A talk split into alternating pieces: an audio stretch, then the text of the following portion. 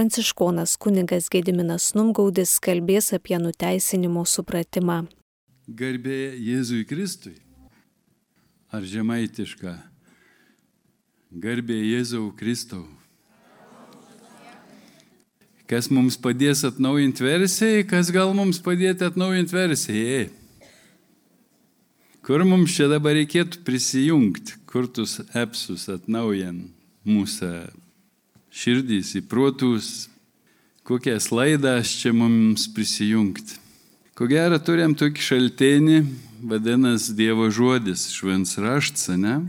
Ir Dievo žodis mums visą laiką atnaujin kai mes nukrypstam, nutolstam, nepataikom, užsimirštam, apsiprontam, o kartas mums primet, o kartas mes patys susigalvojam visokias versijas, visokius supratimus, kad tai ne visuomet atitink Dievo supratimą, Dievo versijas, ir tada kils nesusipratimą, nesusišnekėjimą, Mes prašom Dievalį kažko, o jis mūsų negird, nesišnek su mumis. Ir lygu supykęs, kas čia ir mes apsikaltinę, neverti tokie jautamės. Bet paskaičius pranašą Izaiją gaunam atsakymą, gauns didelę liūdnus dėl to, kad mes nesiklausom anuo žodį. Mes teisam Janau rankas, mes ilgą meldamės, mes aukojam aukas, mes visokius dalykus darom, o Deivalis sako, nesiklausysiu, nusisoksiu nors jūs ilgą prašysit, aš neatsileipsiu. Dėl to, kad žmonės nesiklausot. Nu va, tai pabandykim šiandien pasiklausyti dar kartą Deivalį Kuntas Dievo žodis sako, viskup skaitė tekstelį iš Jokūbą. O aš pamislėjau, aš pratęsiu tau tekstoką, kur viskups nutraukė. A galim tai padaryti. O kur ten toliau Jokūbs šnekėjai? O toliau nuo 21 eilutės. Argi nedarbais buvo nuteisintas mūsų tėvas Abraomas aukodamas savo sūną Izaoką ant aukuro. Matai, tikėjimas veikia kartu su jo darbais ir darbai tikėjimą padarė tobulą. Taip išsipildė rašto posakis. Abraomas patikėjo Dievu ir tai buvo jam įskaityta teisumu. O jis pramintas Dievo bičiuliu. Matote, kad žmogus nuteisinamas darbais, o ne vienu tikėjimu. Taip pat ir paleistuvė Rahabą, argi ji nedarbais buvo nuteisinta, kai priėmė pasiuntinius ir kitų kelių juos išleido. Kaip kūnas be dvasios miręs, taip ir tikėjimas be darbų negyvas. O mes čia turim kažkokį reikaliuką su nuteisinimu. O kaip mes suprantam nuteisinimą? A turit kas poreikį būti nuteisinti? Aš turiu, kas daugiau su manimi turi reikalą būti nuteisinti. Supratau, visi kiti jau nuteisinti. Čia mes keli tokie esam, kur dar nesam nuteisinti. Arba siekam nuteisinimą, o gal tai ir nuolatinis siekis. Atep Eina kartą nuteisina ir viskas. Ir jau dabar vakščiojam visi teisė. O gal mums teisoms dar asocijuojas ir su šventumu ir visokių čia galbūt reikalų. Paskaitysiu jums kietą tekstoką. Biškiai aš jums dabar sukelsiu problemų. Iš laiško romiečiams, trečios skyriaus, 21 eilutė vėl. Bet dabar be įstatymo pasireiškia Dievo teisumas paliūdytas įstatymo ir pranašų. Tai Dievo teisumas tikėjimu Jėzų Kristų duodamas visiems tikintiesiems. Nėra jokio skirtumo, nes visi yra nusidėję ir stokoja Dievo garbės, o nuteisinami dovanai jo malonę dėl Kristaus Jėzaus atpirkimo. Dievas jį paskyrė permaldavimo auka jo kraujo gale veikiančią per tikėjimą. Jis norėjo parodyti savo teisingumą tuo, kad nenubaudė už nuodėmės padarytas anksčiau, dieviškojo kantrumo laikais ir norėjo parodyti savo teisingumą dabarties metu, pasirodydamas esas teisus ir nuteisinantis tą, kuris tiki Jėzų. Kur tada pagrindas girtis? Jis atmestas. Kokiu įstatymu? Darbų? Ne, tikėjimo įstatymu. Mes įsitikinę, kad žmogus nuteisinamas tikėjimu be įstatymo darbų. Tai va apie tą nuteisinimą. Tai kas čia dabar dedasi? Kai kurie krikščionys buvo momentas, kada visiškai atsisakė skaityti Jokūbo laiškus ir buvo net iš kanono išmetę kaip prieštaraujančius apaštalo Pauliaus laiškams ir savo šventuose raštuose neskaitė to teksto. Taip panašiai kaip žydai ortodoksai vengia užsukti į Izaijo pranašystę 53 skyrių. Nepatogus tekstai būna šventam rašte, kurie sukelia problemų. Taigi, ką čia viešpats norėtų mums šiandien pasakyti? Kas negerai su mūsų darbais? Ir klausimas, ar tai yra įstatymo darbai, ką mes darom, ar tai yra tikėjimo darbai, ar šiaip nesąmoningi darbai. Kuo skiriasi tikėjimo darbai nuo įstatymo darbų? Liktai krikščionys savo laiku, vat Liuterio sukeltos reformos, kuris įsikibo į šitą tekstą, kad žmogus nuteisinamas tik tais tikėjimo jokių darbų. Tarsi prieštarautų tam Jokūbo laiškui.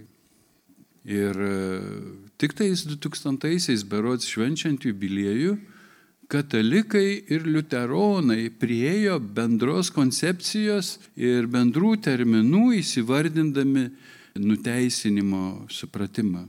Atrodo, apie tą patį šnekėjo, tik skirtingom kalbom ir niekaip nesusišnekėjo ir pykosi ir dargi net mušėsi, buvo ir užmuštų. Pavyzdžiui, kretingoji broliai buvo užmūryti gyvi, nu, pagal legendą. Kaulus radom, o kodėl juos ten užmūrėjo, dabar jau nebežinom.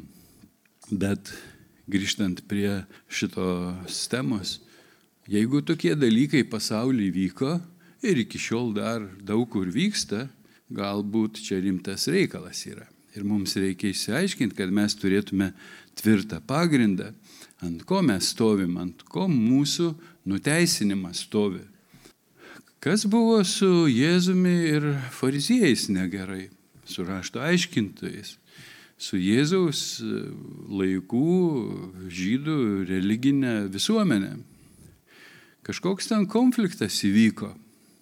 Kas nepatiko? Galbūt fariziejai sudėjo viltis į įstatymo darbų vykdymą ir galvojo, kad užtenka patikti Dievui, vatraidiškai vykdant visus Dievo įsakymus. Bet kažkaip ten nebeliko vietos meiliai, gailestingumui, o buvo labai uolus. Ir Dievo vardu Jėzų paukojo, nužudė. Lygo dėjusi šventą darbą atlieka, nes priėmė Jėzų kaip provokatorių, kaip tą, kuris kesinasi į jų saugų religinį E, gyvenimą, į religinį bizniuką, dar pasakyčiau. Va, o ką Jėzus skelbė? Kuo jis piktino fariziejus?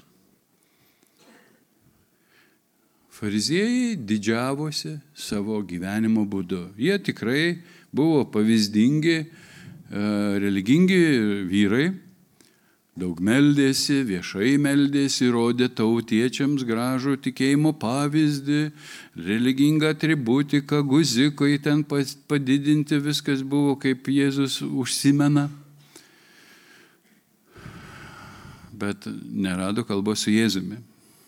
Jėzus sakė, nedemonstruok savo pamaldumą, melskis slaptoje savo tėvui, kad tėvas, matantis, girdantis slaptoje, tave išklausytų.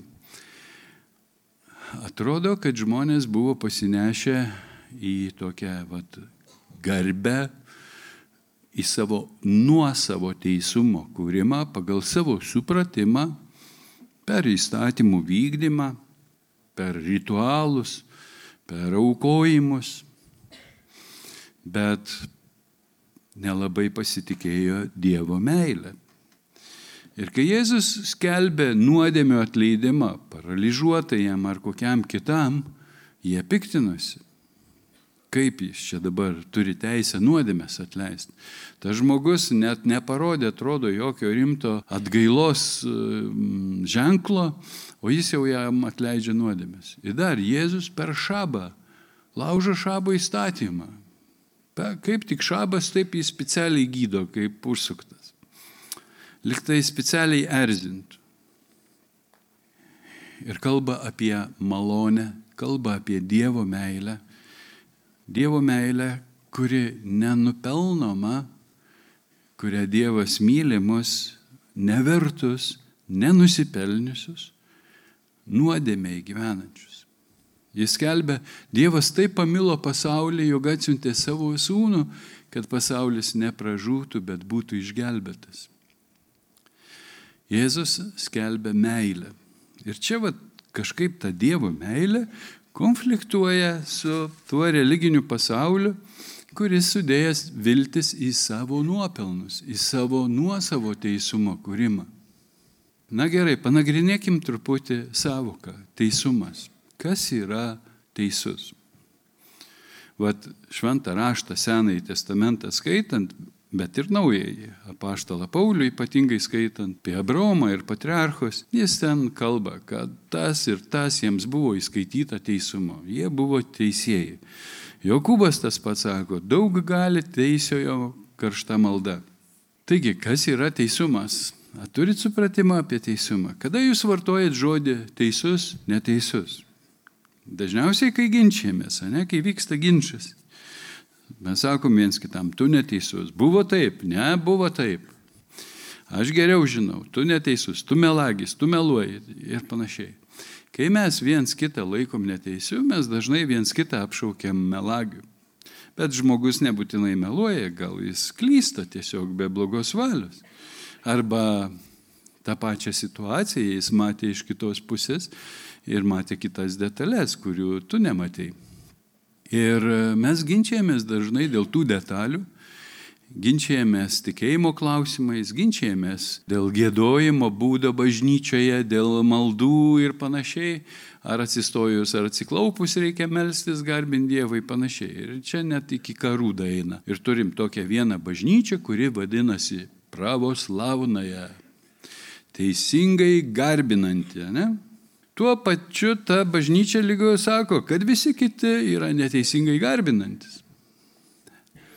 Eretikai, klaidatikiai, atskirti ir, kaip sakau, gali dėl to žudyti kartais. Kur tada Dievas? Ar jis labai prisirišęs prie kokio nors vieno šlovinimo būdo? Jeigu jis daro pasaulį visą naują, jeigu jis sukūrė daugybę skirtingų tautų, kalbų ir su skirtingom tradicijom, kodėl turėtų visi vienodai įgarbinti? Gal tame yra grožis, kad kiekvienas garbina Dievą savo būdu ir visi sudaro vieną gražią garbinimo puokštę. Toje vienybėje, kai mes viens priimame, viens kitą priimame su meile, gerbdami viens kito tikėjimo patirtį, Dievo darbus, kuriuos tie žmonės patyrė kitaip negu mes, tame yra grožis ir bažnyčios pašaukimas. Na va, bet grįžtant prie teisumo. Kaip praktiškai galėčiau pavaizduoti mūsų asmeninį konfliktą kartais katalikų bažnyčioje, kurį aš matau tikinčiųjų gyvenimuose. Ir esu čia šitoj salėje nekartą irgi kalbėjęs apie tai, bet gal ne visi buvot. Ir kam nors bus naudinga šiandien išgirsti. Taigi, kaip sakiau, teisumo savoka dažniausiai naudojama ir iškyla, kai vyksta ginčas, ne dėl kokios nors tiesos. Dabar dėl mūsų santykio su Dievu. Dievas ieško mūsų, kaip Adomo nusidėjusio ieškojo rojuje, ne? Ir klausė, Adomai, kur tu? Adomas sako, aš čia krūmuose. Kam reikals, kodėl tu krūmuose? Kas atsitiko? Aš nuogas negaliu tau rodyti. Gal tu valgiai vaisių, kurį buvau sakęs tau nevalgyti. Davėjai man Jėvą, jį man davė, aš ir valgiau, pats kalts. Jėvos klausė, Jėva, kodėl tu tai padarėjai? Jie atsako, žaltys mane apgavo, aš ir valgiau. Taigi, žmogus apgautas, suvedžiotas, apiplėštas, atskirtas nuo Dievo. Įvyko tra tragedija. Žmogus mirė Dievui. Dievas neteko žmogaus per Adomo ir Jėvos nuodėmę. Ir dabar nuo to Adomo ir Jėvos tarsi tęsiasi ta Dievo pastanga prisijaukinti žmogų vėl atgal, susigražinti į namus, nes jis sukūrė žmogų tam, kad žmogus gyventų su Dievu, pažintų Dievą, pažintų jo meilę, jo išmintį ir pats pasidarytų kaip Dievas, mokydamasis iš Dievo, pažindamas, kas yra gera ir bloga iš Dievo, o velnės pasiūlė jam kitą kelią - pažinimo medį. Ir pirmoji stabmeldystės nuodėmė. Jis suabejojo Dievu ir sudėjo viltį į pažinimo medį, į pažinimo medžio vaisių kuris duos jam pažinti gerą ir blogą ir padarys jį kaip Dievas. Ir jie netapo dievais, bet neteko ir tai, ką turėjo dieviško. Ir dar daugiau jie tapo kontroliuojami, valdomi, priklausomi nuo piktųjų dvasių, kurios dažnai manipuliuoja mūsų jausmais, mūsų mintimis, mūsų supratimais ir veda mus į klaidas. Ir mes, kaip Dievo žodis sako, traukte esame traukiami prie stabų. Todėl nenuostabu, kad tikybos pamokose labai liūdna. Bet jeigu kas pradeda kalbelę apie ekstrosensų, mūšius, apie burtus visokius, e, žinius, magus, kerėtojus, tai iškart klasiai sujudimas, o ne jaunimas.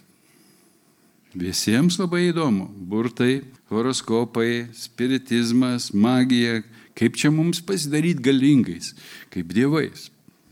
O tas kelias, kurį Dievas nurodė, mums atrodo silpnas, netobulas.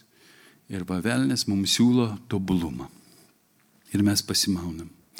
O kai jau pakliūnam į bėdą, tada mes šaukėmės Dievo pagalbos. Dieve pasigailėk, Dieve gelbėk, nusidėjom, gelbėk. Dievas ateina mūsų gelbėti.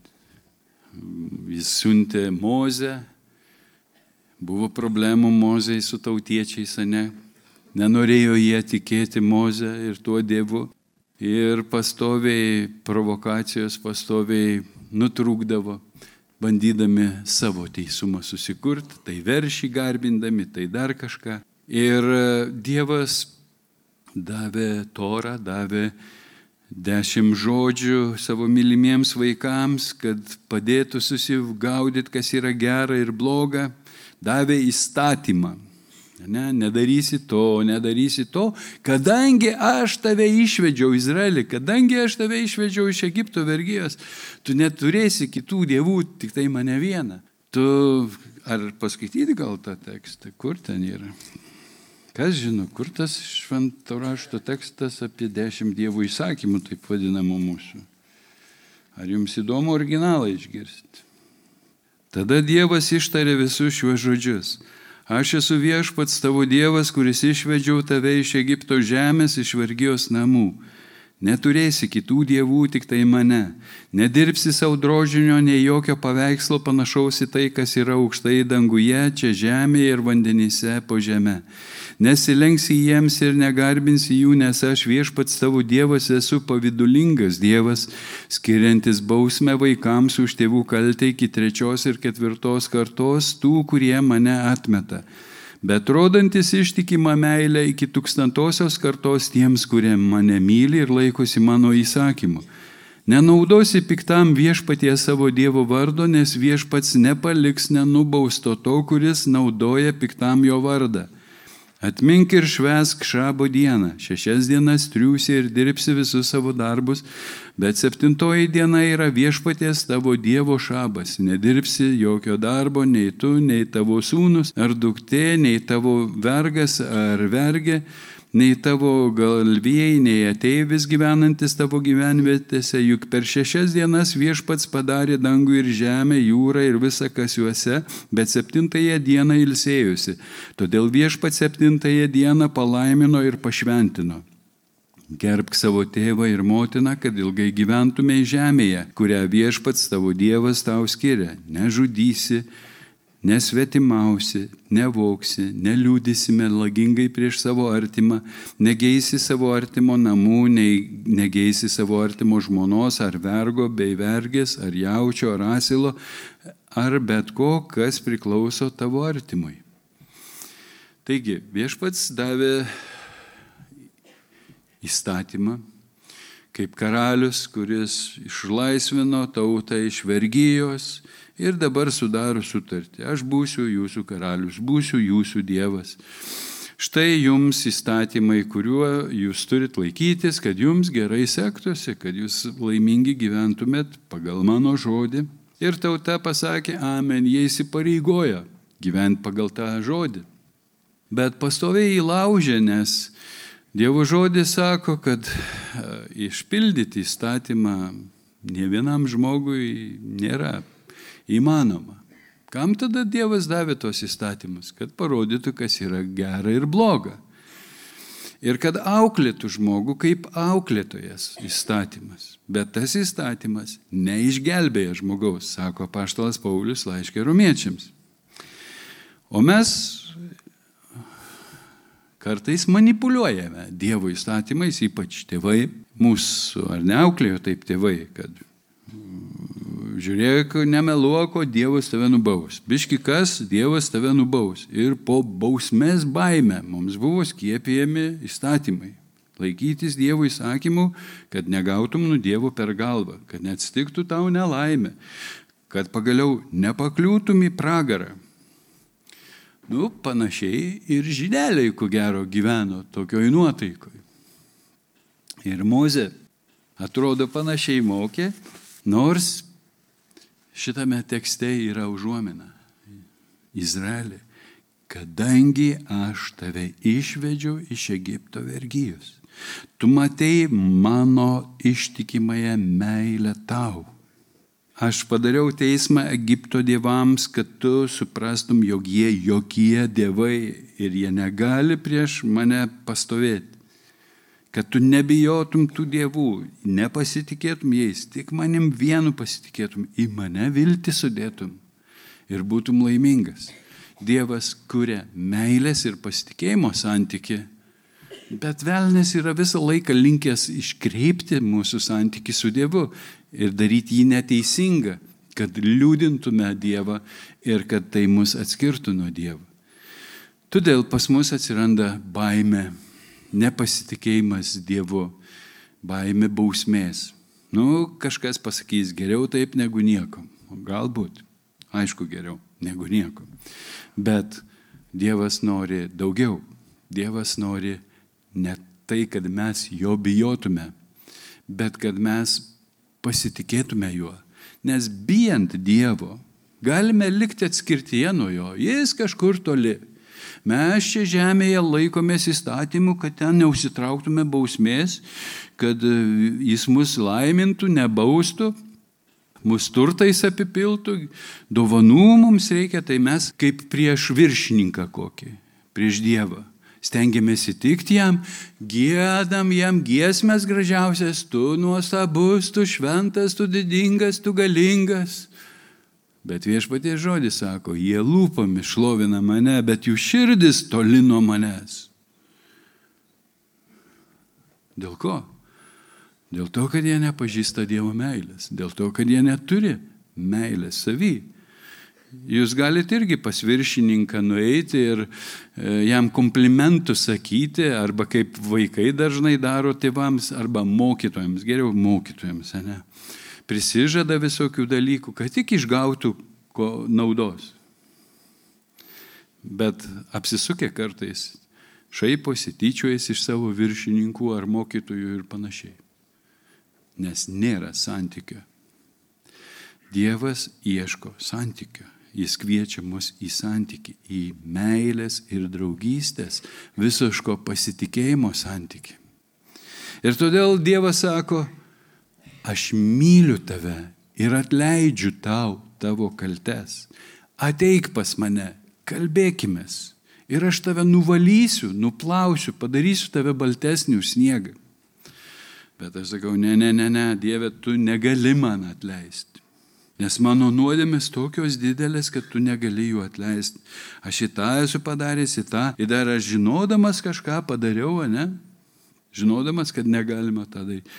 Ir velnės bado mane pirštais, nes jis yra prokuroras ir kaltintojas. Demonas graikiškai reiškia kaltintojas, prokuroras, kažkas tokio. Arba satana. Satan hebrajiškai. Kaltintojas. Taigi, jis kaltina mus Dieną ir naktį, kaip apokalipsės knygoje parašyta, kaltina brolius Dievui. Dieną ir naktį. Ir kaltina mane, man pačiam, jis sako, tu brūdas, tu šiauks, tu toks, tu nevertas, tu nedrįsk rodytis Dievo akivaizdoj. Ir piktasis dažnai forsuoja, atrodo geram darbui, kad tu nusipelnytum įstatymo darbais, religingom apygom, o dažniausiai um, kyšiais, ne? mes papirkinėjom korupciją, su kuo pasaulis niekaip nesusiduroja. Duodam kyšį, kad gaučiau daugiau. Ateina pas merą ir siūlo kišiuką, kad prastumt kokį projektėlį. Ne? Verslininkai irgi visokių būdų turi, kaip ir reikia vyrukams stovėti tvirtai, kad nepasiduotų tokiai provokacijai, o gundimas stiprus, ne?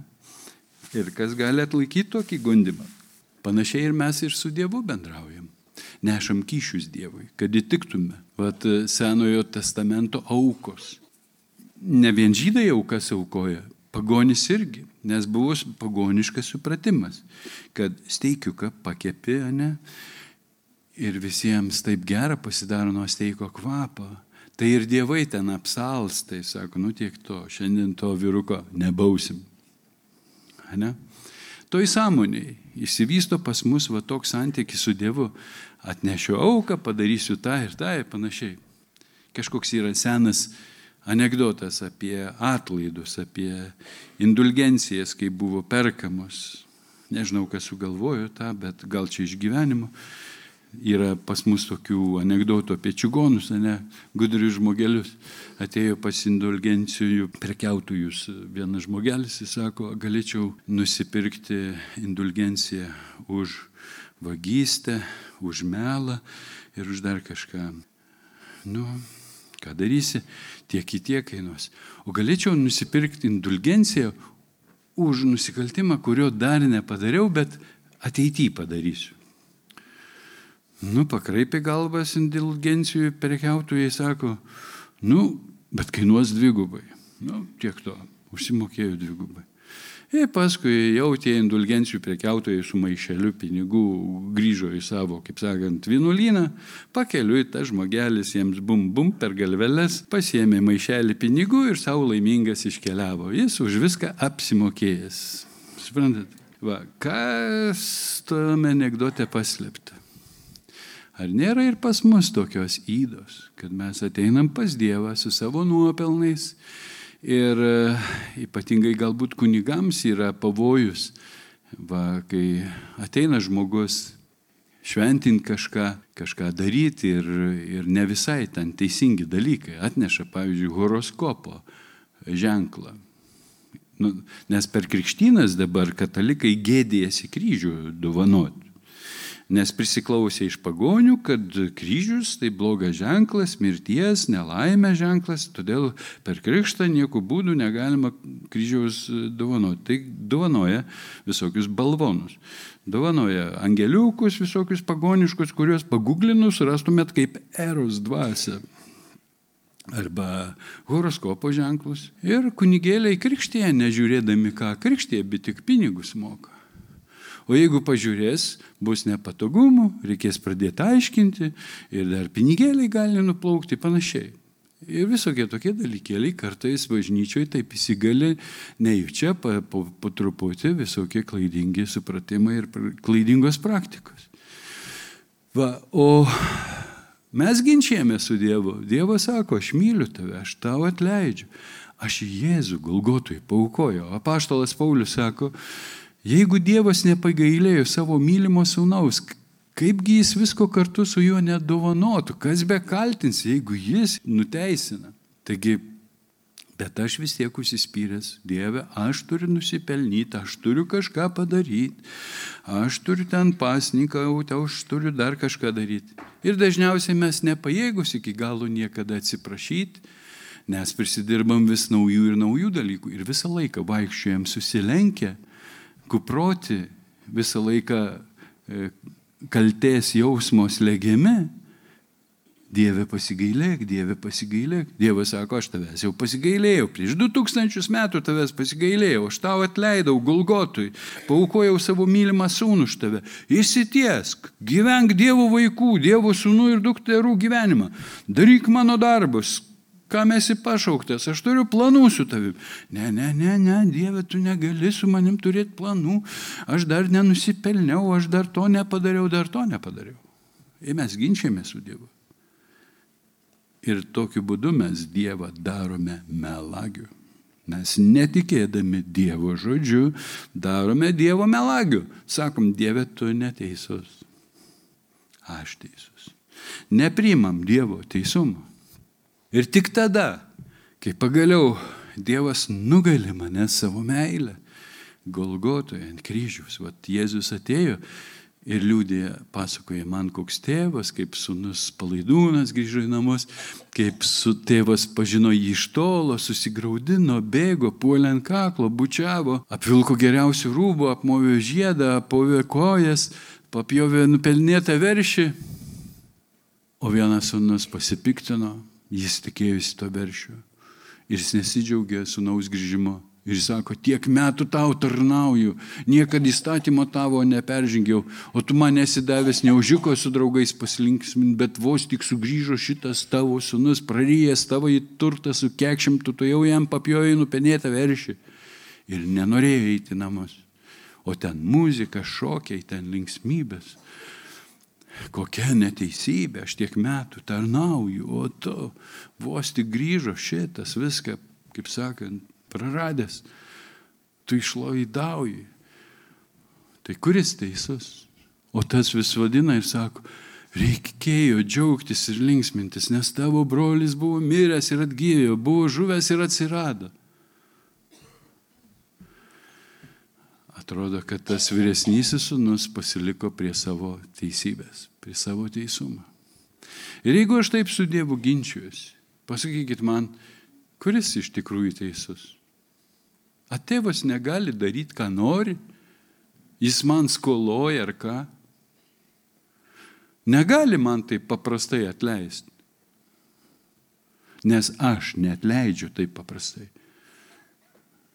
Pas mane turi ateiti, atsiklaupti, bučiuoti kojas, verkti, kažką daryti, žemintis, patenkinti mano puikybę, tada aš gal atleisiu. Mes tą patį norim permės Dievui, tą patį santyki savo pagadintą šetonišką santykį.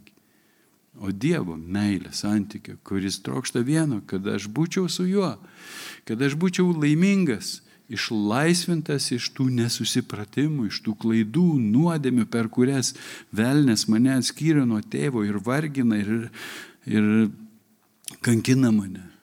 Tėvas trokšta, kad kiekvienas iš mūsų būtume laimingi. Ir jis atsiunčia Jėzų, Jėzus kelbė meilę, aš sakau, tu melagis, ant kryžiaus jį. Bet Jėzus nepasilieka ant kryžiaus, jis vėl ateina pas mane, rodo pervertą delną ir sako, žiūrėk, Gedaminai, kaip tėvas tave myli, ką dar turiu padaryti, kad tu patikėtum tėvo meilę. Ir čia aš nugalimas, kai aš patikiu jo meilę, aš verkiu ir sakau, tėve atleisk man, buvau neteisus. Aš trokštų būti su tavim, kuris mane myli. Aš pats bejėgis išpildyti įstatymą, bejėgis pats savo jėgom pasiekti teisumą. Tu man dovanoji ir tau garbė ir šlovė ir aš noriu gyventi tuo teisumu, noriu gyventi su tavim. Ir staiga aš tampu teisus, nes aš pripažįstu tėvo teisiu ir pats automatiškai tampu teisiu, suprantate? O kaip tada su darbais? Kur tie darbai, kam tie darbai bereikalingi? Jeigu aš tikiu tėvo meilę, jeigu aš tikiu Dievo žodžiu, aš noriu būti su tėvu tėvo reikaluose kaip Jėzus, aš noriu daryti Dievo darbus kaip Jėzus, noriu daryti Dievo dvasios jėga, jo vardo garbiai, kad žmonės pažintų išgelbėjimą. Aš jau nebeabejingas tėvui. Jeigu aš abejingas Dievo karalystėje, tai turiu iškelti klausimas iš vis, ar aš gyvas dvasioje, ar aš atgimęs, ar aš pažįstu tėvą, ar aš esu su tėvu. Jeigu ne, tai kur aš esu? Jeigu man nerūpi tėvo reikalai, jeigu man nerūpi Dievo karalystė, jeigu aš gyvenu tik savo. Apaštalas Paulius sako, aš nebe savo gyvenu, bet tam, kuris už mane numirė ir prisikėlė. Ir mes žinom apaštalo Pauliaus uolumą kiek jis iškentėjo dėl viešpaties, kiek jis stebuklų padarė, bet jis nesididžiavo tais darbais, nesididžiavo stebuklais, jis šlovino viešpatį. Ir sakė, esu nenaudingas tarnas, padariau tai, ką turiu daryti, vargas man, jeigu aš to nedaryčiau. Ar suprantat, kame yra skirtumas? Kai aš sudedu viltis į įstatymo darbus, į ritualus, bet ne į gyvą į Dievą, ne į jo meilę, o į savo darbus, į savo nuopelnus. Aš pakliūnu į bėdą. Dar viena istorija, turėkit kantrybės, mano laikas jau baigėsi, bet Jeruzalė, aš kiekvienais metais keliauju su piligrimai, su Kvuvadžio grupė ir paprastai mes baigiam Jeruzalėje, apeidami kryžiaus kelius, prie Kristaus kapo, pasitikrindami, kad jo ten nėra ir panašiai. Paskui geriam kavą e, prie fontano Jeruzalės senamesti netoli bazilikos. Ir taip vieną kartą atsigėrus kavos, aš nusileidžiu ir einu patenkintas per miestą, čia taip gerai padirbėjęs savaitėlę Izraelį su piligrimais ir prieina prie manęs juodukas toks su lagaminu ir rodo man pirštų, sako, tu vienuolis. Nu, nesakau, aš brolis, nu gerai, brolis. Kaip galvoja, tu esi išgelbėtas? Nu, jo, sakau, aš galvoju, kad esu išgelbėtas po tiek va tokių gražių patirčių, jau, jaučiausi išgelbėtas. Ir jis man sako, pasakyk man dvi priežastis, dėl ko tu galvoji, kad esi išgelbėtas. Nu, aš sakau, nu, pirmiausia, aš myliu Dievą. Šypsosi tas jos dukas. Nu ir antras, sakau, mylėdamas Dievą, aš stengiuosi kažką daryti dėl jo. Jis sako, man ne. O, čia pavojus mano reputacijai. O da toks arabas senukas priejo, toks žvalgas ir, aha, kas čia yra. Ir jis man sako, tu esi išgelbėtas tik dėl to, kad Ješua už tave numerė ir prisikėlė. Ir man tai, bliu, lempos įsijungė, visus užsidegė. Staiga dangaus scenoje atsidūriau. Ir mes taip rankom sudaužėm, sakau, geras, kiek aš kartų apie tai pamokslavau ir vėl ant to grėblio užlipau. Pats kitus mokau, pats, vat, aš, aš, o Dievas tarp kitko toks, žinai. Ne, jis yra viešpačių viešpats, tik jam garbė ir šlovė.